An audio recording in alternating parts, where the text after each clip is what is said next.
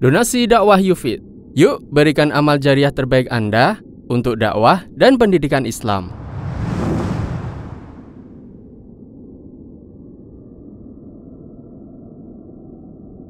Bismillahirrahmanirrahim. Assalamualaikum warahmatullahi wabarakatuh.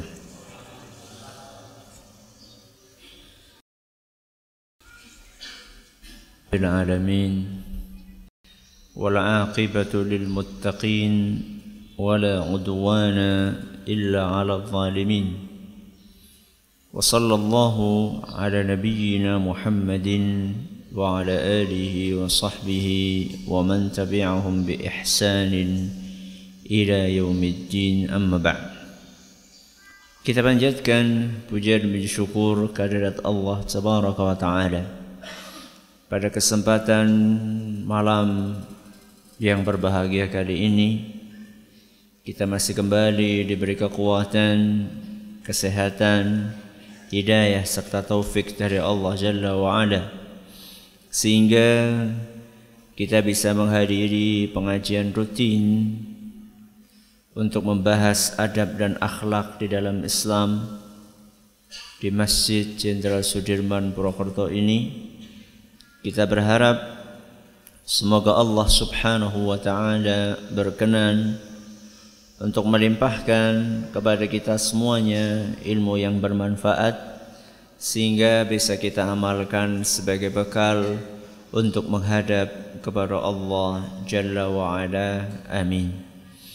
Salawat dan salam semoga senantiasa tercurahkan kepada junjungan kita Nabi besar Muhammad sallallahu alaihi wasallam kepada keluarganya, sahabatnya, dan umatnya yang setia mengikuti tuntunannya hingga di akhir nanti. Para hadirin dan hadirat sekalian yang kami hormati dan juga segenap pendengar Radio Insani 88.8 FM di Purwokerto, Purbalingga, Banyumas, Cilacap, Wonosobo, Kebumen dan sekitarnya dan juga para pemirsa Surau TV dan Yufid TV yang semoga senantiasa dirahmati oleh Allah Azza wa Jal. Alhamdulillah pada hari ini tanggal 1 Jumada Tsani 1439 Hijriah atau yang bertepatan dengan tanggal 16 Februari 2018 kita bisa melanjutkan kembali pembacaan hadis-hadis yang dipaparkan oleh Imam Ibn Hajar Al-Asqalani dalam kitab beliau Bulughul Maram Kitabul Jami' Hari ini kita akan melanjutkan pembahasan tentang hadis nomor 19 yaitu hadis yang berbunyi wa 'anil Mughirah bin Syu'bah radhiyallahu anhu dari seorang sahabat Rasul SAW yang bernama Al-Mughirah bin Syu'bah. Semoga Allah meridai beliau an Rasulullah sallallahu alaihi wasallam dari Nabi kita Muhammad sallallahu alaihi wasallam qala beliau bersabda Inna Allah harrama alaikum uquqal ummahat Sesungguhnya Allah mengharamkan atas kalian satu uquqal ummahat. Apa? Durhaka kepada ibu. Wa wa'dal banat mengubur hidup-hidup anak perempuan. Wa man'an wahat suka meminta malas memberi. Wa karihalakum Kemudian Allah juga membenci tiga perbuatan yang lain. Qila wa qala. Ngobrol tanpa manfaat atau menukil berita yang belum jelas kebenarannya. Wa kathratas su'al banyak bertanya yang tidak penting wa idha'atal mal dan menyia-nyiakan harta. Malam hari muttafaqun alaih hadis riwayat Bukhari dan Muslim. Malam hari ini kita akan bahas awal hadis yang barusan kita dengar yaitu sabda Nabi sallallahu alaihi wasallam innallaha harrama alaikum uquqal ummahat sampai di sini saja yang akan kita bahas pada malam hari ini Terjemahannya sesungguhnya Allah mengharamkan bagi kalian durhaka kepada ibu. Nabi kita SAW mengatakan innallaha harrama alaikum. Sesungguhnya Allah mengharamkan untuk kalian. Pelajaran yang pertama yang bisa kita ambil dari hadis ini bahwa yang boleh dan berhak untuk menghalalkan dan mengharamkan adalah Allah Subhanahu wa taala. Apa pelajaran yang pertama? Yang boleh dan berhak menghalalkan dan mengharamkan Siapa? Allah subhanahu wa ta'ala. Kalau Rasulullah SAW bagaimana? Kalau Rasulullah SAW bagaimana? Beliau menghalalkan dan mengharamkan berdasarkan wahyu dari Allah. Wa ma yantiqu 'anil hawa in huwa illa wahyu yuha. Nabi SAW tidak pernah menyampaikan sesuatu berdasarkan hawa nafsunya. Akan tetapi semua yang disampaikan oleh Nabi SAW hukum halal, hukum haram itu adalah wahyu. Dari siapa? Allah. Perhatikan ujung-ujungnya juga kembalinya kepada Allah.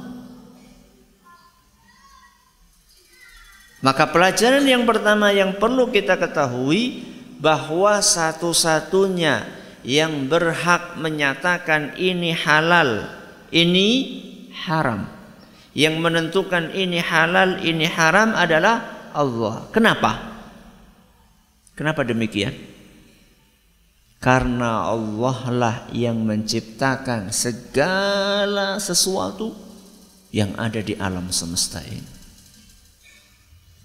Kenapa? Karena Allah satu-satunya yang menciptakan segala sesuatu yang ada di alam semesta ini. Dalilnya surat Ar-Ra'd. Surat Ar-Ra'du ayat 16. Surat Ar-Ra'du ayat 16. Allah Subhanahu wa taala berfirman, "Qul Qulillahu khaliqu kulli syai." Katakanlah bahwa Allah lah yang menciptakan segala sesuatu yang ada di langit maupun yang ada di bumi. Entah itu binatang, entah itu manusia, entah itu tetumbuhan. Apa pun yang ada di muka langit dan muka bumi yang menciptakan adalah Allah. Berarti karena Allah yang menciptakan itu semua, yang berhak untuk menyatakan ini halal, ini haram, siapa? Allah. Terus kewajiban manusia apa?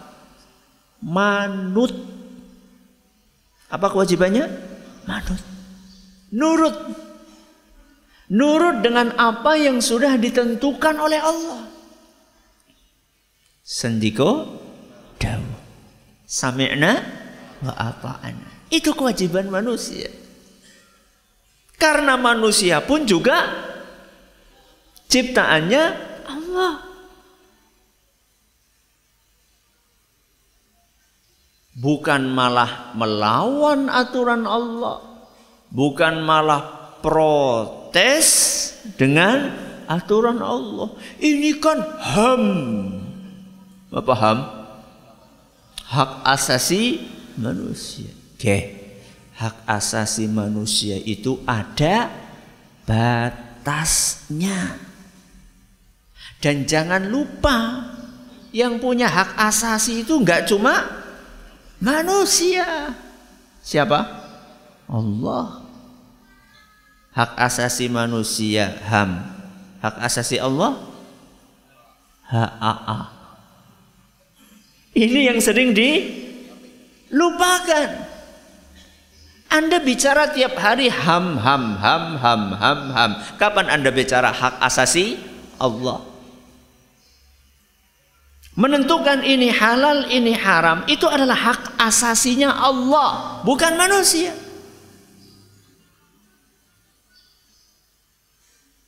Ada lagi alasan, ini kan ranah privasi.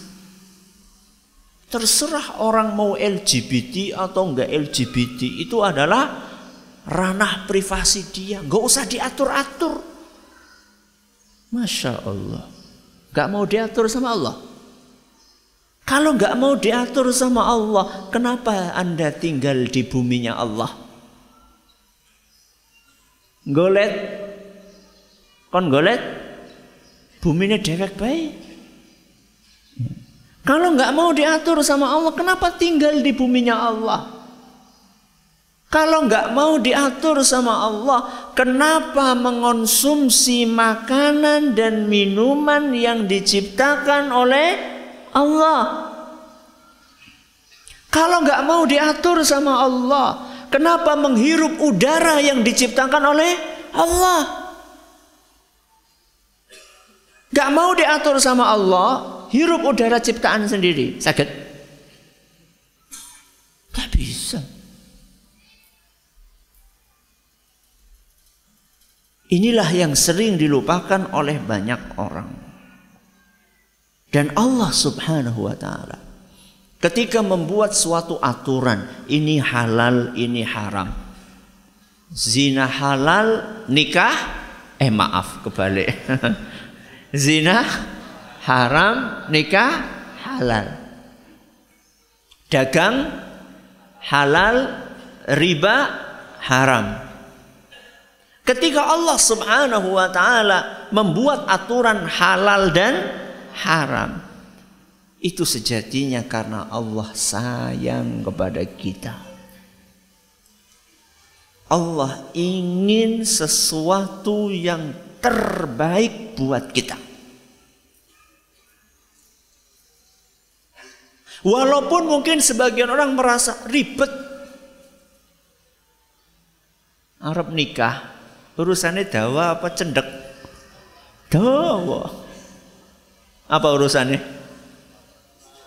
Aja lamaran disit, urung deleng wis ngelamar. Nazar dulu. Apa nazar? Mentelengi. Cek dan recheck ya calonku gie dirijine pepek apa ora. Maksudnya kayak gue. ya. Komplit apa tidak jari-jarinya dilihat cocok apa enggak ya setelah itu kemudian baru kalau cocok lanjut ke langkah berikutnya. Apa? Ya gue ta'aruf wis nazar gue. ya, terus lamaran, setelah lamaran kemudian menentukan tanggal pernikahan. Ketika nikah harus ada saksi. Saksinya cukup satu, harus dua. Kemudian harus ada wali, harus ada mahar. Masih kalau di negeri kita harus dicatat di KUA. Setelah itu kemudian ada hak, ada kewajiban yang harus ditunaikan. Mau cerai, tidak asal cerai, ada aturannya. Menurut sebagian orang ribet temen lah Guru garing golet bayar satu sewu sewengi kan rampung. Tidak ada hak, tidak ada kewajiban orang kesuwen. Allah ketika menentukan ini halal, ini haram. Itu karena sayang kepada kita. Allah tahu mana yang baik buat kita dan mana yang tidak baik buat kita. Bahkan Allah lebih tahu tentang apa yang terbaik buat kita dibandingkan kita sendiri. Saya ulangi. Allah lebih tahu apa yang terbaik buat kita dibanding kita sendiri. Jadi jangan pernah kita merasa lebih lebih tahu dibandingkan Allah.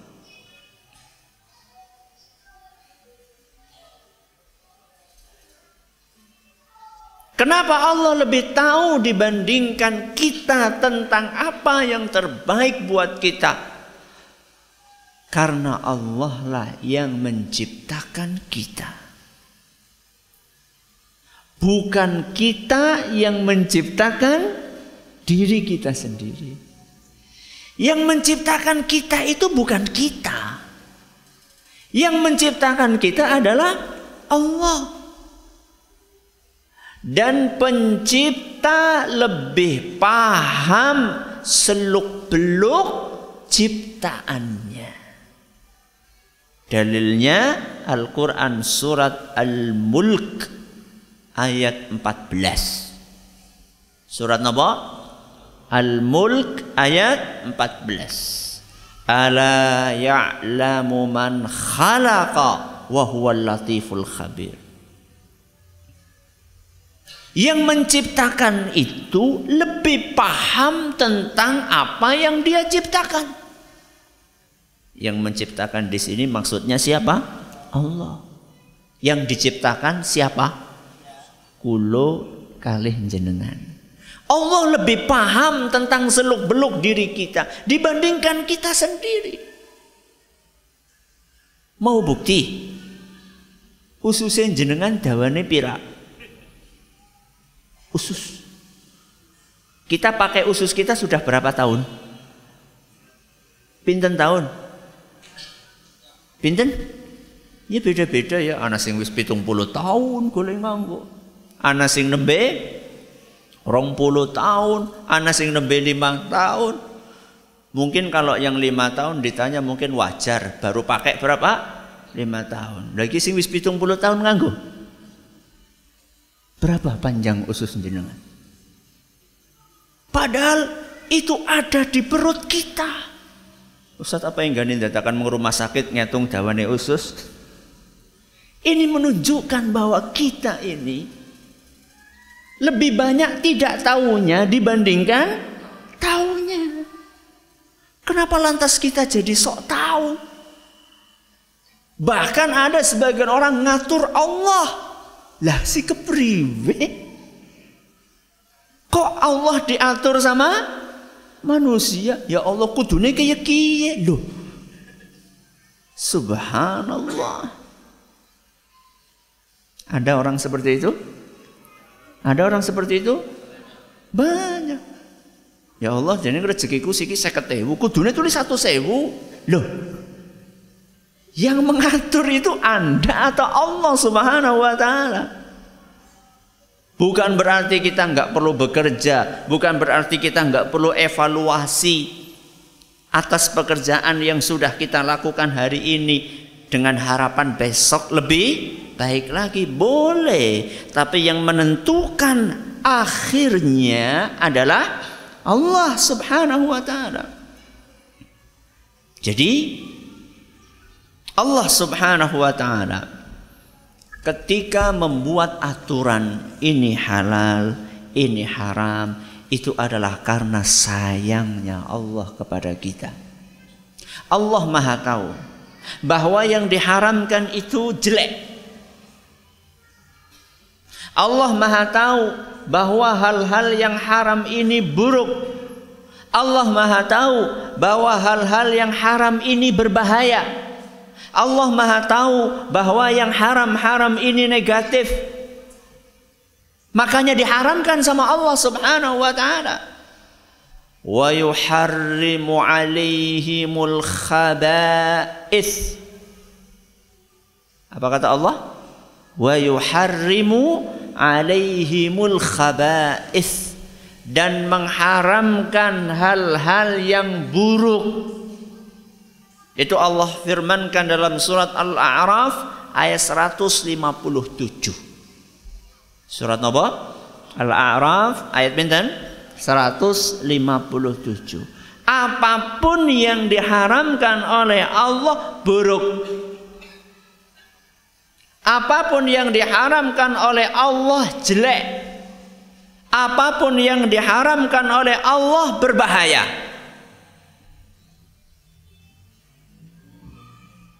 Contohnya hadis yang tadi kita dengar. Innallaha harrama alaikum uquqal ummahat wa wa'dal banat wa man'an. Allah mengharamkan atas kalian tiga perilaku yang pertama durhaka kepada ibu. Yang kedua mengubur hidup-hidup anak perempuan. Yang ketiga suka minta, males memberi. Saya tanya, dari tiga ini yang baik yang mana? Ada? Jelek semuanya, makanya diharamkan sama Allah. Karena tiga-tiganya ini jelek, karena tiga-tiganya buruk, karena tiga-tiganya membahayakan, maka diharamkan sama Allah Subhanahu wa taala. Allah itu ketika mengharamkan sesuatu, itu bukan ngasal. Ketika menghalalkan sesuatu bukan ngasal, nggak kayak manusia.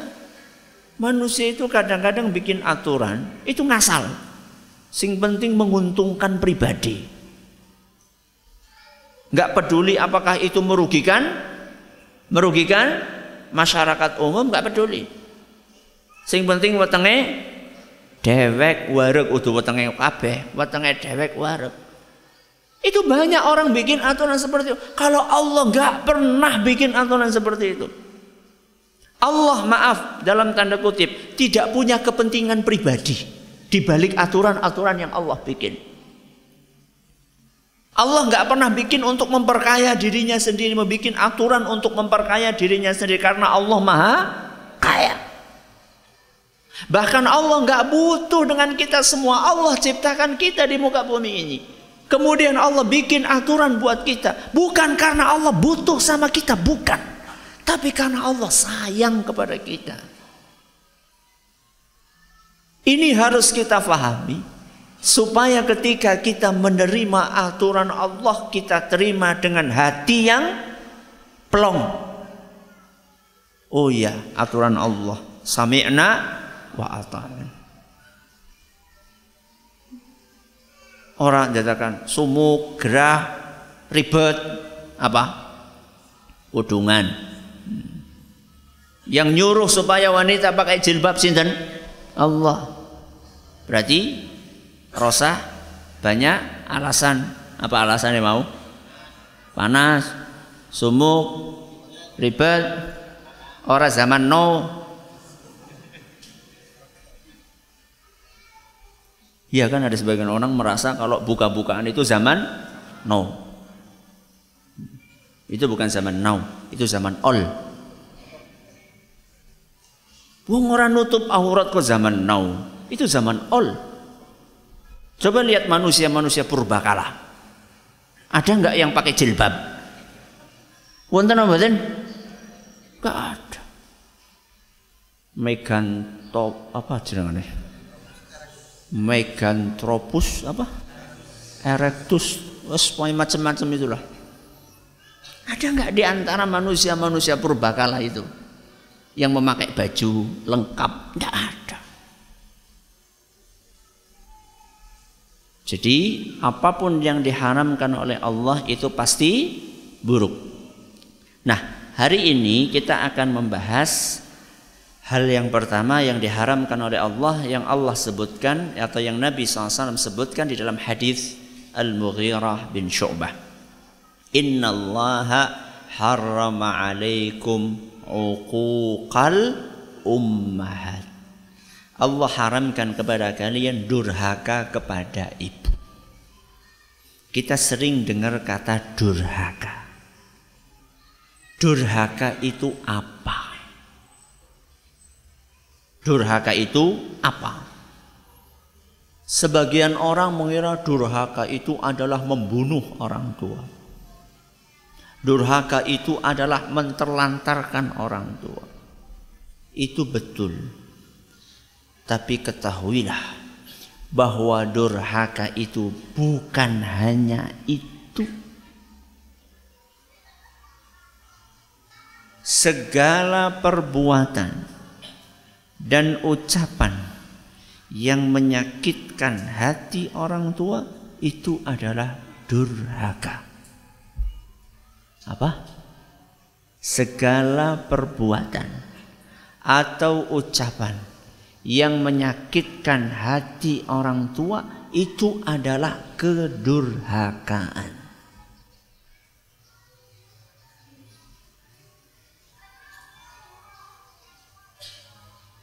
Makanya Allah kasih sampel di dalam Al-Quran Surat Al-Isra ayat 23 Apa? Fala taqul lahuma uffin Janganlah kalian katakan uff. Apa sih uff? Saya pernah sampaikan kayaknya yang cocok buat orang Indonesia uff itu adalah apa? Cek-cek. Udah cek-cek. Anda bisa bayangkan sekedar Anda katakan sama orang tua itu sudah durhaka.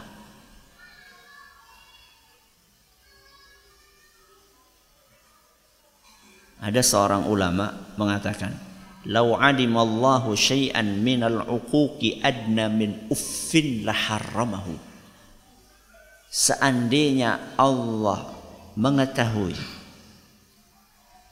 ada bentuk durhaka yang lebih ringan dibandingkan uff niscaya Allah akan haramkan andaikan ada durhaka yang lebih rendah yang lebih ringan dibandingkan apa uff Allah akan haramkan cuman sementara yang paling ringan durhaka adalah uff walaupun ringan itu durhaka Kenapa?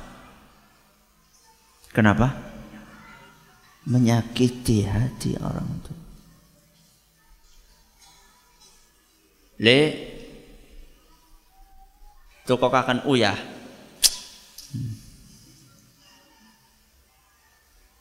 Mangkat mangkat. Berangkat, tapi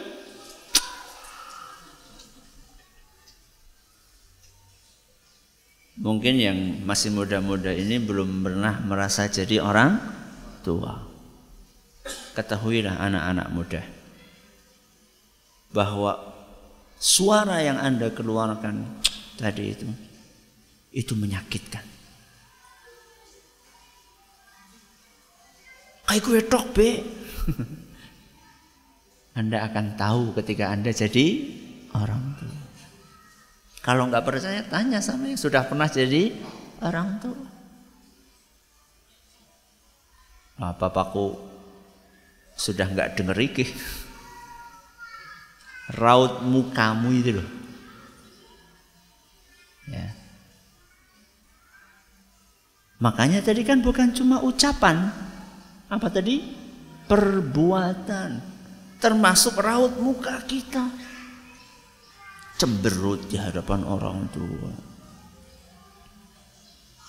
melotot di hadapan orang tua apalagi sampai mengungkit-ngungkit pemberian kepada orang tua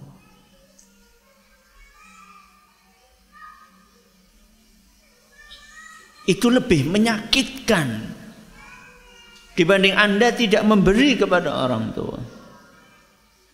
Bukan berarti tidak memberi itu boleh. Tapi memberi tidak memberi dengan memberi lalu mengungkit-ungkit.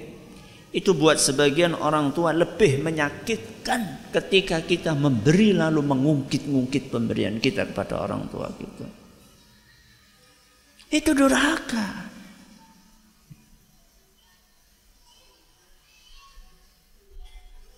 Jadi jangan dipikir kita wah Insya Allah kayak saya ini rajin sholat ora durhaka orang. Kadang-kadang kita melakukan sesuatu yang tidak kita rasa, yang tidak kita sadari bahwa sejatinya kita telah durhaka kepada orang tua dan orang yang durhaka kepada orang tua tidak akan pernah beruntung.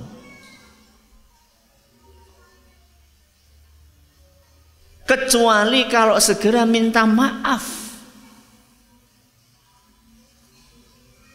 Nabi SAW yang mendoakan rahima anfu rajulin rahima anf rahima anf cilaka cilaka cilaka tiga kali Nabi SAW ulang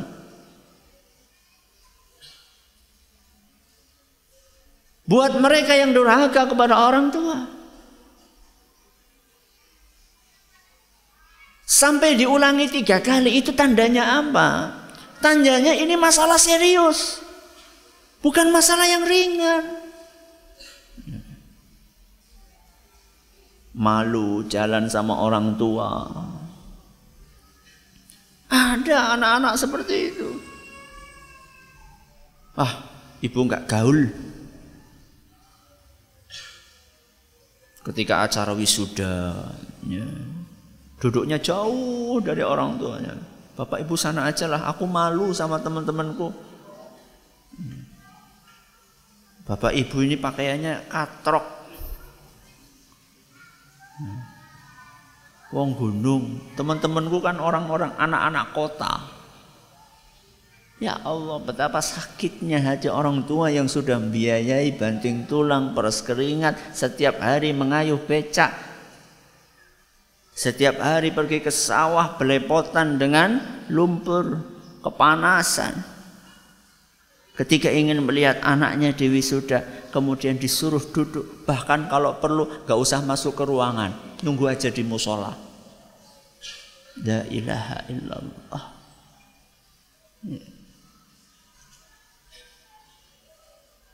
Termasuk menghalangi orang tua untuk melakukan sesuatu yang halal. Anda mungkin punya bapak atau ibu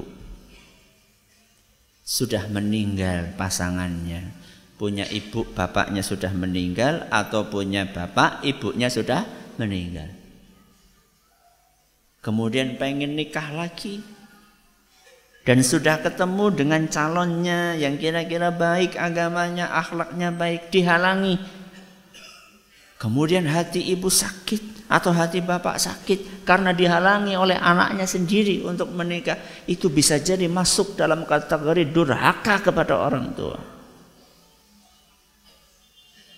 Lah Ustaz, sudah tua mau apa lagi? Nikah itu bukan hanya urusan ranjang. Nikah itu bukan hanya urusan hubungan biologis.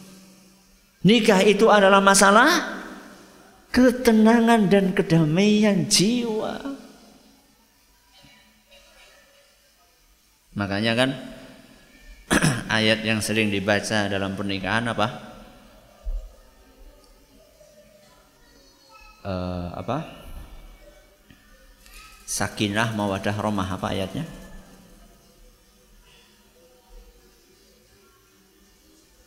Apa? Litaskunu ilaiha wa ja'ala bainakum mawaddatan wa rahmah litaskunu ilaiha Allah jadikan pernikahan itu supaya kalian wahai para laki-laki merasa tenang hatinya ketika berdampingan dengan istri kalian.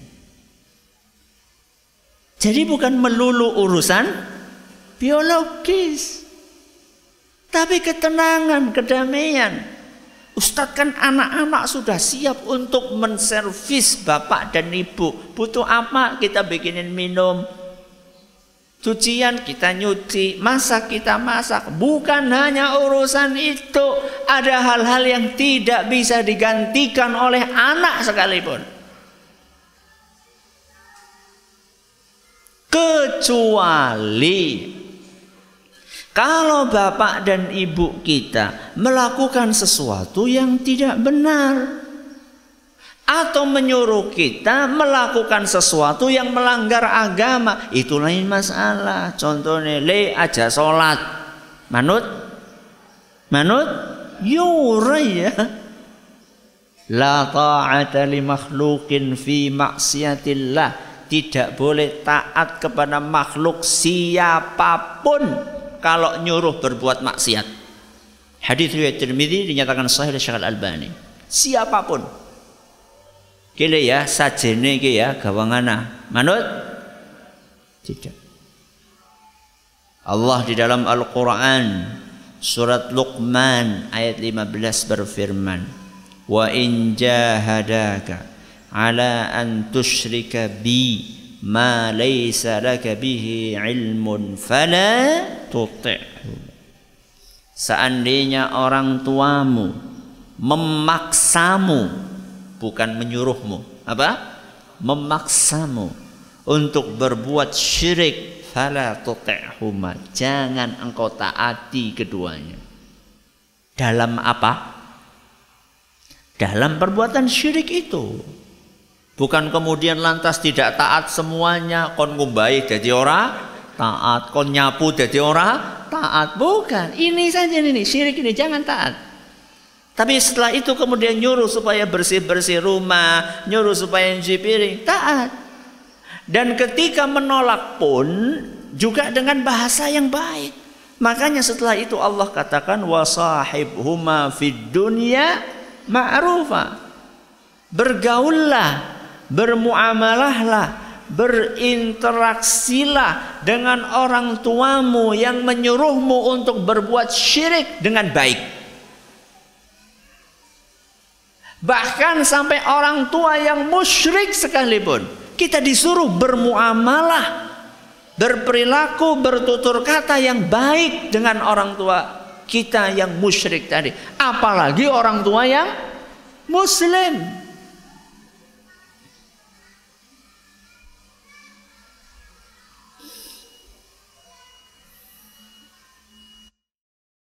الحمد لله وحده والصلاة والسلام على من لا نبي بعده وعلى آله وصحبه ومن اتبع هداه إلى يوم القيامة أما بعد Nabi SAW mengawali hadis tadi dengan bersabda Inna Allah harrama alaikum uquqal ummahat Sesungguhnya Allah mengharamkan atas kalian durhaka kepada ibu Pertanyaannya, kalau durhaka kepada bapak gimana? Boleh atau tidak boleh? Pak, durhaka kepada bapak boleh atau tidak? Tidak boleh. Kenapa? Karena hadis lain yang diriwayatkan oleh Imam Bukhari dan Muslim juga dari seorang sahabat Nabi SAW yang bernama Abu Bakrah. Jadi ada Abu Bakar, ada Abu Bakrah. Yang diriwayatkan oleh Abu Bakrah radhiyallahu anhu qala beliau bercerita kunna inda Rasulillah sallallahu alaihi wasallam faqal suatu hari ketika kami sedang duduk-duduk bersama Nabi sallallahu alaihi wasallam beliau bersabda ala unabbiukum bi akbaril kabairi thalathan Beliau tiba-tiba berkata, "Maukah kalian ku beritahu tentang dosa yang paling besar?" Nabi SAW ulangi lagi pertanyaannya. Maukah kalian ku beritahu tentang dosa yang paling besar? Diulangi lagi sampai tiga kali. Maukah kalian ku beritahu tentang dosa yang paling besar? Setelah itu Nabi SAW menyebutkan dosa yang paling besar adalah al-isyraku billah. Berbuat syirik kepada Allah. Yang kedua wa uququl walidaini. Apa yang kedua? Durhaka kepada kedua orang tua. Kedua orang tua niku sinten? bapak dan ibu. Loh Ustaz, berarti durhaka sama bapak nggak boleh juga? Nggak boleh? Nggak boleh. Tapi kenapa dalam hadis yang kita kaji, hadis Al-Mughirah bin Syu'bah yang juga dalam Bukhari Muslim disebutkan uququl ummahat durhaka kepada ibu. Kok ibu yang ditonjolkan di situ? Kenapa? Kenapa? Prioritas. Bagus. Ada yang lain?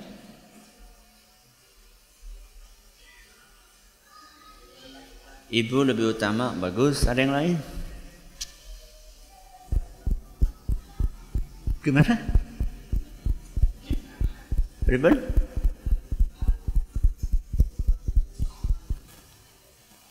Bapak kenapa? Tidak melahirkan. Ya iya. Engkau ibu orang ngode. Satu. Kenapa kok yang ditonjolkan ibu? Satu.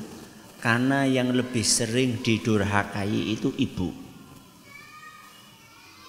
Apa? Alasan yang pertama, yang lebih sering didurhakai ibu. Kenapa? Karena fisik wanita lebih lemah dibandingkan fisik laki-laki. Anak itu lebih takut sama bapak apa ibu? Ngaku. Bapak. Justru karena kelemahan fisik ibu itulah banyak anak yang kemudian lebih berani kepada siapa? Ibu. Mulanya jaluk sangu meng siapa? Ibu nih padahal sing ngode siapa? Bapak. Baru lihat kumisnya bapak aja udah nggak berani. udah dilinting lagi. Itu alasan yang pertama. Kenapa kok ibu yang ditonjolkan? Alasan yang pertama, karena yang lebih sering didurhakai itu ibu. Makanya Nabi SAW tonjolkan ibu. Karena tahu yang paling banyak didurhakai itu ibu dibandingkan bapak. Alasan yang kedua, karena dosa durhaka kepada ibu lebih besar dibandingkan dosa durhaka kepada bapak. Apa alasan yang kedua? Karena dosanya durhaka kepada ibu lebih besar daripada dosa durhaka kepada bapak. Berarti dosa durhaka kepada bapak besar atau tidak? Besar. Tapi lebih besar dosa durhaka kepada ibu. Karena lebih besar itu makanya Nabi SAW wanti-wanti. Ukukul ummahat durhaka kepada ibu. Awas hati-hati. Itu dosanya gede banget.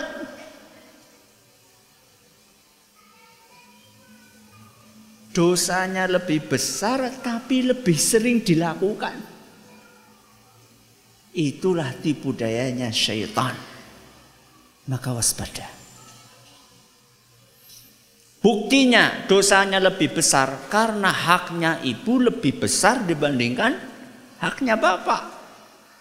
Hadis yang pernah kita bawakan, hadis riwayat Bukhari dan Muslim, ketika Nabi SAW ditanya siapakah orang yang paling berhak untuk saya bekteni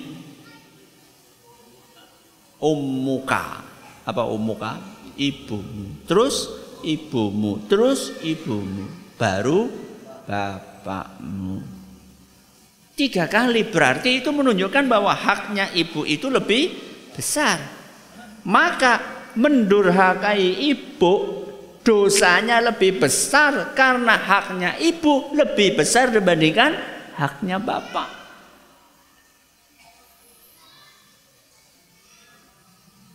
Itu pengajian kita pada malam hari ini. Jadi poin-poin terpentingnya Nabi SAW katakan Innallaha harrama alaikum Allah haramkan kepada kalian Berarti pelajaran pentingnya yang berhak Mengharamkan dan menghalalkan adalah Allah Kenapa? Karena Allah lah sang pencipta segala sesuatu di alam semesta ini. Durhaka kepada ibu, apa arti durhaka tadi? Setiap perbuatan dan ucapan yang menyakitkan hati orang tua.